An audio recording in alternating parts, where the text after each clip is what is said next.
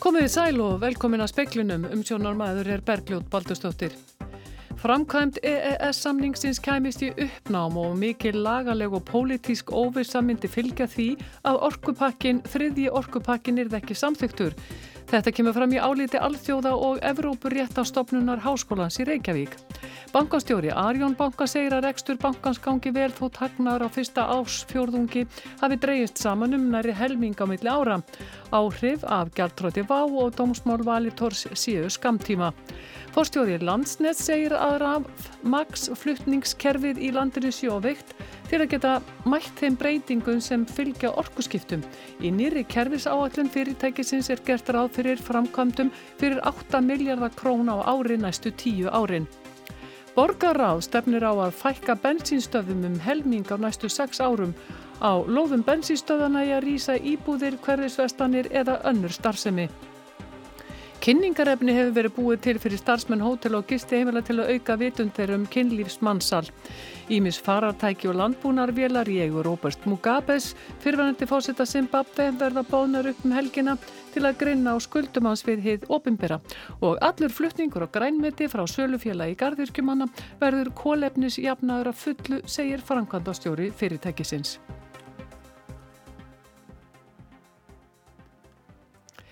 Sinjun Íslenska ríkisins á stjórnskipulegum fyrirvara vegna þriðja orkupakkans fæli í sér fordæma lausa stöðu sem hefði í för með sér mikla lagalega og pólitiska óvissu sem myndi setja framkvæmt EES-samningsins í uppnám.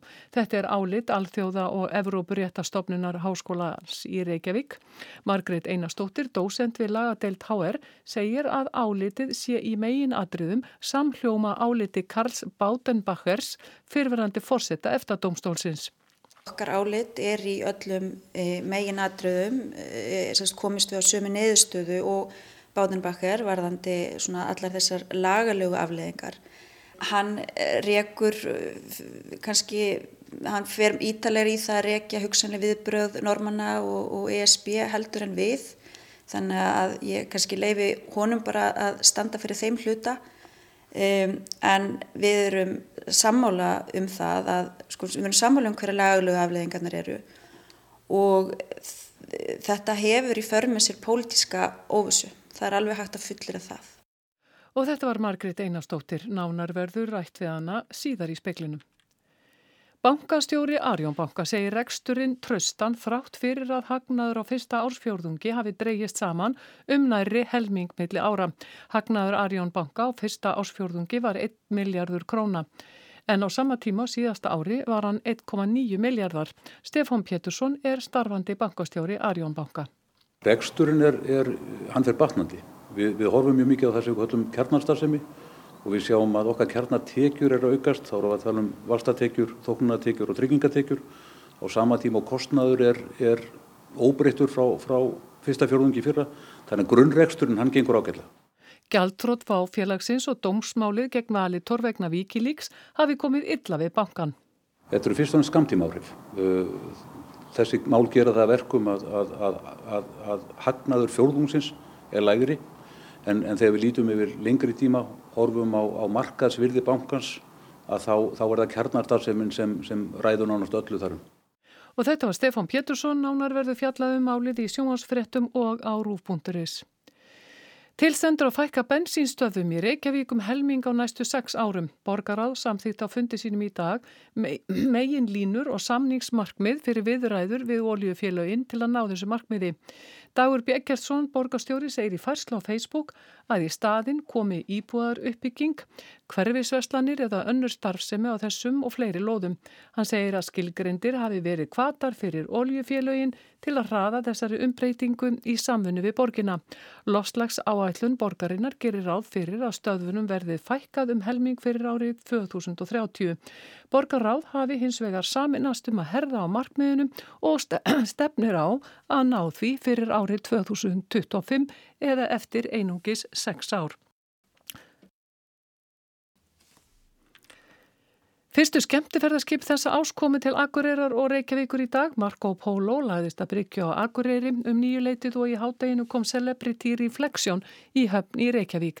Það er mikill starðamunur á þessum skipum, um borði Marco Polo eru ríflega 1200 manns en ríflega 4300 manns rúmast um borði Celebrity Reflection. Árið 2019 verður stæsta árið í komu skemmtiverðarskipa hinga til lands frá upphafi. Áallæði er að 199 skip komi til Faxaflóa hafna í sumar, til Reykjavíkur og Akranes og hjá hafnarsamlagi Norðurlands eru áallæðar 209 skipakomur til Akureyrar, Rísegjar og Grímsegjar. Flest skemmtiverðarskip sem koma hinga til lands hafa viðkomi þessum tveimur hafnarsamlögum. Bílar, dráttavélar, Ímis landbúnaðatæki og fleira í eigu Roberts Mugabes fyrirverandi fósita Zimbabwe verða bóðun upp um helgina. Andverðið gengur upp í sívaksandi skuldur hans við hið opimbera. Robert Mugabe var við völd í Zimbabwe í 37 ár þar til hann var sviftur fórseta ennbættinu árið 2017. Hann átti nokkrar bújarðir þrátt fyrir að laugin heimiluðu landsmönnum ekki að eiga nema eina. Forsettinn og Greis, eiginkona hans, voru sökuð um að hrekja smábændur af jörðum sínum og leggja þær undir sig til að stopna Gús Hungo, mjölkurbúið í nágræni við höfuðborgina Harari. Reksturinn var í blóma lengi vel en hefur versnað til muna upp á síðkastið vegna ill yfirstíganlegra efnahagserfiðleika í Zimbabwe. Þar verður uppbóðið haldið á lögurdaginn kemur. Meðal annars verða seldar Massey Ferguson dráttarvelar, nokkrir Toyota Hilux pallbílar, Scania vörubílar, Mercedes-Benz luxusbifreið, fjórar þreskivélar og 13 motorhjól. Mugabe er orðin 95 ára. Ártæki hans á forsetastóli, Emerson Mnangagwa, greindi frá því síðasta mánuði að hann væri í Singapúr til lækninga og væri ekki vantanlegur heim til Zimbabwe fyrir ennum miðjan þennan mánuð. Ásgeir Tómásson saði frá. Donald Trump, bandaríkjafósiti, segir að enn sé mögulegt að leysa viðskiptadeilu kýmverja og bandaríkjamanna. Viðskipta sendinemdir þeirra setjast að samningaborðun í Washington síðar í dag og reyna að leysa deiluna. Trump greindi fréttamönnum í kvítahúsinu frá því að hann hefði fengið fallega orðað bref frá Xi Jinping, fórsetta Kína. Hann taldi líklegt að þeirra ætti eftir að ræðast við í síma síðar í dag.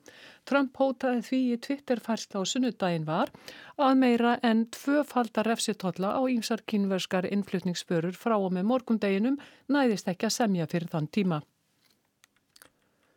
Allur flutningur á grænmeti frá sölufélagi gardirkjumanna verður kólefnisjafnaðar að fullu. Fyrirtæki verða að taka ábyrð á umhverfinu, segir Gunnlaugur Karlsson, framkvæmdastjóri sölufélagsins. 65 grænmetisbændur selja sölufélagi gardirkjumanna afurður sínar. Félagið hefur undirritað samning við kolvið um að allur flutningur á grænmeti frá bændum til neytenda verði kólefnisjafnaður að fullu. Kólefnisfótspor í gardirkju er mjög grönd, þannig að það er mjög lítill útblástur í framlegslu hérna heima og þegar búið að taka flutningan og kólefnisjafna þá, þá erum við búin að stiga mjög stórt skref í að kólefnisjafna vöruna alla. Kólefnisfótspor flutningana var reiknað út. Í samræmi við þá útrekninga gróðursettur kolviður 3 á tilgreindum svæðum og verndar þau næstu 60 árin. Gunnlaugur segir að smá saman verði umbúðum breytt og kólefnisfótspor vörunar verði sínilegt neytandanum. Honum finnst að allar vörur eigi að merkja með kólefnisfótspori og hvetur fyrirtæki til að huga að því. Hvort sem það er þá bílar, tæki, eh, matvara og svo frammeðis. Í framtíðinu hefði ég viljað sjá það sem sagt að við værum að merkja vöruna enn frekar þannig að geti kaup svona valið, kannski mismunandi áherslur varandi þetta. Hann segir að kólefnisfótspor græmitis sé misjant myndli landa og að það muni miklu fyrir umhverfið hvort fólk kaupi vörur úr nágrunni sínu. Kólefnisfótspor íslenskra tómata hafi verið 15 af spori danskra tómata áður en flutningarnir voru kólefnisjafnaðir. Gunnlaugur segir að þessi kólefnisjöfnun hafi ekki í för með sér verðhækkun á grænmiti. Þetta er svona millir 500 krónur og miljónu ári sem að kostar að, að planta þessum trjám og að veldu kannski sem heitir einhverju nokkur húsund miljónir á ári í greininni þá er þetta ekki þá sem telur.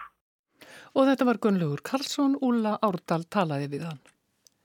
Síkla livja ónæmar bakterjur hafa greinst í gæludýrum á Íslandi en ónæmið er algengara í innflutum dýrum. Tíðni síkla livja ónæmra bakterja í baktería í hundum og köttum er svipuð og í kjúklingum og svínum og lömpum hér á landi. Gælidýr er að jafna mikill snertingu við eigundur sína og því líklegt að bakteríur berist þeirra á milli. Matvælastofnun og tilraunastöð Háskóla Íslands í meina fræðum að keldum könnuðu algengi síklarlifja ónæmra E. coli í hundum og köttum hér á landi. Nánar um þetta á, á rúf.is.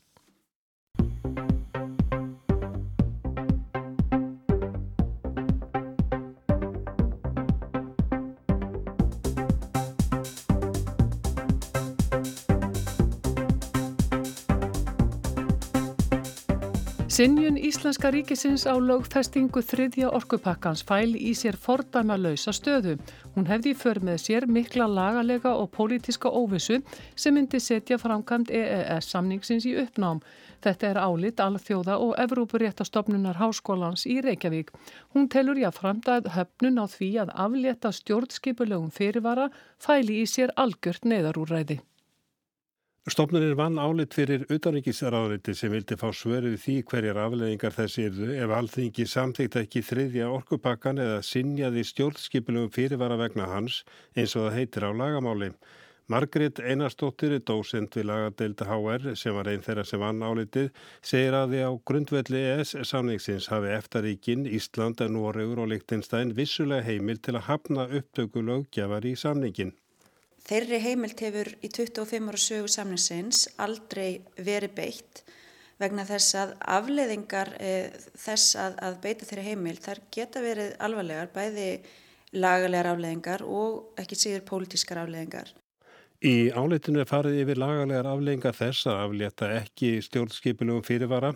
Margrit segir að í fyrsta lagi sé ljósta þriði orkjupakkin tæki korki gildi gagvart Íslandi nýja Nóri og Lichtenstein.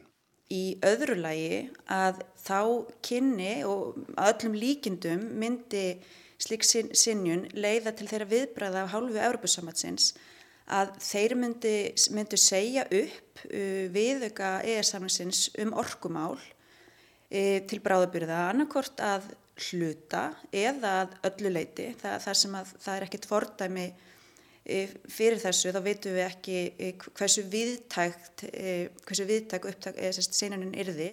Þetta myndi gilda líka gagvart Nóri og Lichtenstein sem eru þegar þáttakendur á samílugum orkumarkaði ESB. Í raunu verið að tala um að ímis önnur andri gætu fallegur gildi sem samþýtt voru á sínu tíma vegna fyrsta og annars orkupakkans. Markið segir að þetta gæti haft mikil áhrif á bæði einstakling og fyrirtæki hér á landi Hún hefni til dæmi samning fyrirtækjum sölu uppbruna ábyrða, tilgangur þeirra sé að skapa fjárháslega kvata til að framlega orku með endur nýjalegum orku gjöfum. Og fyrirtæki hér á landi er að selja þessar ábyrðir og það er vist talsverðir fjármunir undir sem að myndi þá, e, fyrir stegu að frestunni næði til þessara gerða, þá myndi það hafa fyrir með sér tjón fyrir þessi fyrirtæki. E, þá má nefna að það eru margar gerðir sem er ætlað að stöðla orku nýttni og orku sparnaði og í þessum gerðum er að gera kröfur um merkingar og hönnun tækja og búnaðar. Og þessust vörur verða að uppfylla þessar kröfur til þess að megi selja þær á ES-svæðinu og þannig að, að upp, uppsögn á þessum gerðum kynni að skapa óvissu fyrir fyrirtæki hér á landi sem er að framleiða e, vörur sem falla þá undir þessa gerðir.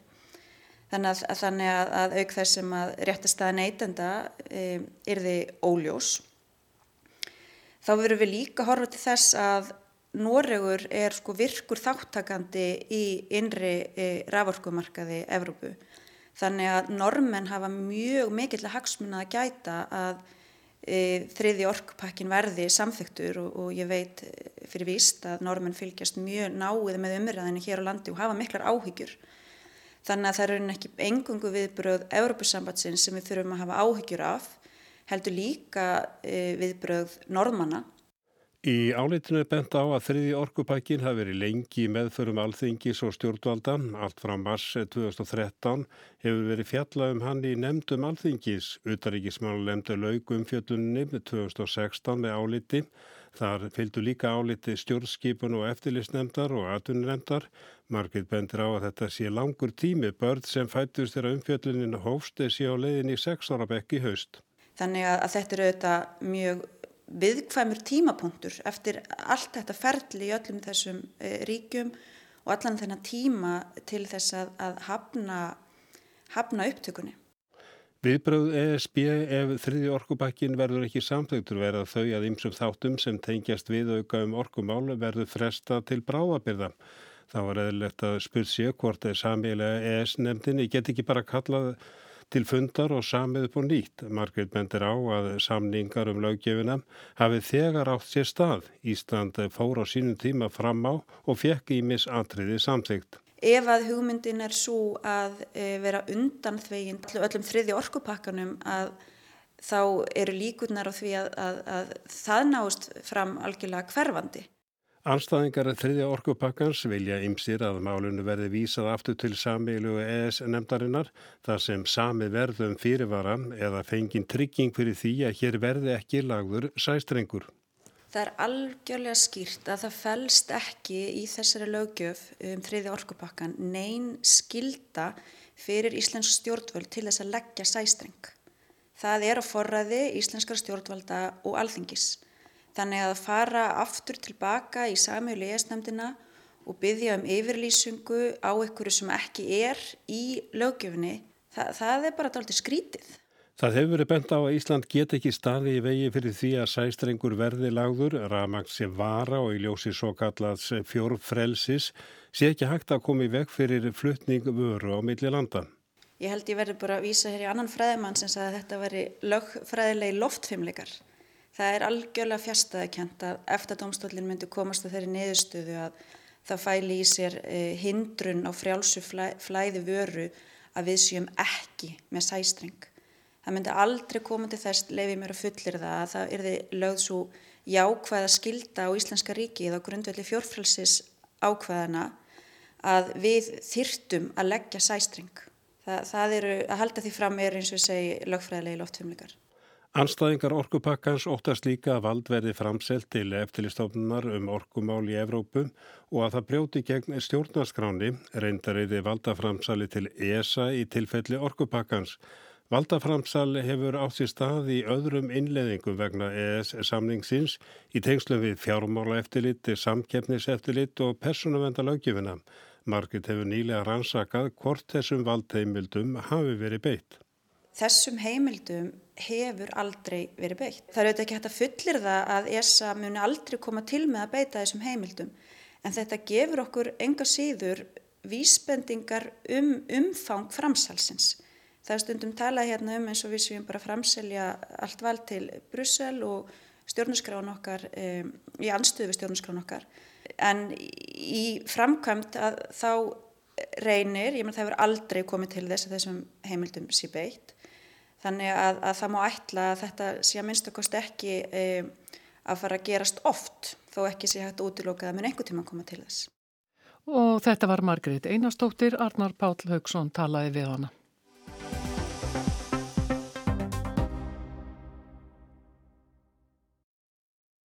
Rafmangsflutningakerfið í landinu er allt og veikt til að geta mætt þeim breytingum sem fylgja orkuskiptum. Ravæðing hafna, ravæðing engabílsins, samgangna, atvinnutækja og svo framvegis, allt þetta hlæðst upp, segir Guðmundur Ingi Ásmundsson, forstjóri landsnett. Fyrirtækið byrti í dag kerfis áætlun sína fyrir næstu tíu ár. Fyrsta skemmtiferðarskipið kom til landsins í dag. Rafvæðing hafna er liður 14 í aðgerðar áætlun í lofslagsmálum. Í januar var kynnt í atvinnu vega og nýsköpunaráðuneytinu skýrsla um orkuskipti í íslenskum höfnum þar sem kemur fram að staða raftenginga til skipa í höfnum sé nokkuð góð þegar að litið er til lágspennutenginga en skortur sé á háspennutengingum sem stærri skip þurfa. Í kerfisáætlun Landsnet sem byrt var í dag eru kynnt á formfyrirtækisins um uppbyggingu flutningskerfisins og helstu verkefni til þryggja ára.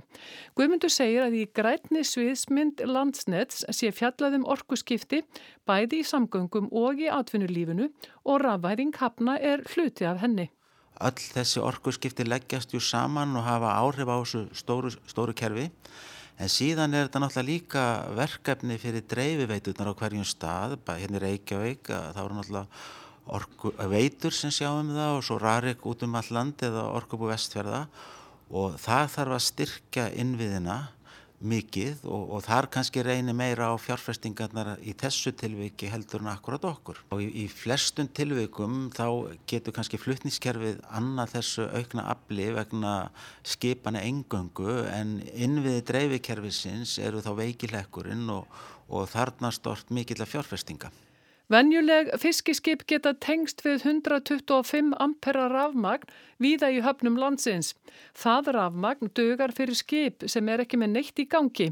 Um leið og nota þarf krana eða dælumótor dögir það ekki. Við erum akkurat að tala um þessa innviði sem er, er og veikir. Þeir kannski ráða við ljósavela fiskiskipana en ef þeir eru mikið álag að, að þá, þá ræður ekki við það. Og svo náttúrulega ágætt að hafa það í huga. Þessi stóru skemmtifæraskip eru gríðarlega stór og álægið frá þeim, svona til skamstíma, þau náttúrulega stopp ekki lengi við, að, að það er kannski eins og ágættist bæjarfélag hér á Íslandi og þegar þetta kemur og stungið á eitt tengil þá þarf sár tengil að vera daldi öflugur.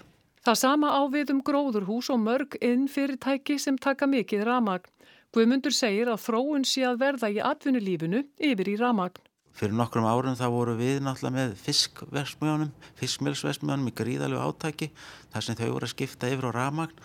Það stamstarf er áframhaldandi þannig að við erum enna að vinna með þeim í að reyna að klára það verkefni og sérstaklega kannski í Vestmanniðum sem dæmi sé tekið. Þannig að það er ekki búið að klára það? E ekki alveg, það eru suma fersmjöðunar ennþá að keira ólju og, og það er verið að hugaði hvernig er þetta að ganga enn lengra til þess að, til þess að taka út þessa mengandi orkugjafa. Guðmundur segir að ímsir möguleikar séu í stöðunni. Hann talar um sviðsmyndir. Það er gang út á það að rafæða hafnirnar. Ef maður horfur á það eina sér þá er það hægt. Svo er að rafæða engabílinn, það er líka hægt. Og svo er að rafæða aðra samgöngur, atvinnutækin og svo framvegis. Alla þessar sviðsmyndir stakkast upp. Og við erum í raun að vera að horfa til framtíðar og horfa á þessa heildar mynd í, í okkar grænu sviðsmynd og það liggur náttúrulega fyrir svo staðrind að flutnískerfið er í landinu allt og veikt. Og það þarf að styrkja það og það er það sem við erum að gera. Og það er það sem að, og lausnirnar eru að sína í okkar kerfisáallun og við erum líka að framkvæma, við erum að styrkja til dæmis byggðalinurringin, fyrsta, fyrsta áfangin er að fara í gang núna, þetta er bara nokkra vikur. Græna sviðsmyndin í kervis áalluninni tekur tillit til orkuskiptana, auk núverandi notkunnar og starfsemi. Hún krefst þess að, að við við styrkjum kerfið þar sem það er ekki nógu stert sem er víð á landinu og, og við þurfum að bregðast við því. Hvar er það? Hvað, við, hvað er brínast? Sko í raun og veru að þá höfum við talað um það að það er þetta byggðalínu svæði sem er svona stærsti hlutin af landsbyðinni, það er vesturlið, norðurland og austurland að þar er mikið vandamál sem við þurfum að gera, sem við þurfum að vinna niður. Nú síðan er að Reykjanesi, það er bara einn lína út á Reykjanes og, og ef hún bilar þá er rámaslöst þar þannig að örgismálin eru erfið á Reykjanesi. Þetta er svona brenni punktarnir getur við sagt. Nú síðan er bara búið að vera aukast álega á kerfinu þannig að svona höfuborgarsvæðið er að bara hrannast upp vandamál þar líka. Þannig að það má segja við sem að huga að nánast öllu landinu. Í kervis áætluninni er getutum helstu framkvæmdir til næstu ára. Helstu framkvæmdirnar okkar eru náttúrulega á Norðurlandi þar sem við erum að tala um kroppilinu 3 og hólaðsanslínu og síðan á Reykjanesi, þar erum að tala um Suðunesanlínu 2. Þetta er svona áherslu, áherslu hérna aðeinn í meginkerfunu til þryggja ára og síðan eru staðbundnar aðgerðir um all land. Það er á Norðurlandi við Söðokrók, það er á Östfjörðum, það er á Vestfjörðum og svo framvegis. Kostnaðurinn við þetta? Hann er svona, já við sjáum fyrir okkur að meðaltali næstu kannski áratugin, þá erum við að tala um svona framkvæmdur um 8 miljardar á ári. Þannig að þetta eru verulegar fjárfestingar. Guðmundur segir að landsnett gæti ráðið við að rafæða skemmtifærðarskipin eftir þrjú til fjögur ár. En ég get ekki svara fyrir dreifveituna hvernig það er og eins og ég sagði þetta er lítið nýting ás, þetta er stuttu tími sem skipin stoppa þannig að framkvæmdanir eru hlutastlega dýrar Þannig að það þarf bara að skoða hvert verkefni fyrir sig held ég þar. Og þetta var Guðmundur Ingi Ásmundsson. Vopnu gegn kynlífsmannsali er yfirskrift verkefni 6 nefnda í MPM meistaranámi í verkefnastjórnun í Háskólanum í Reykjavík.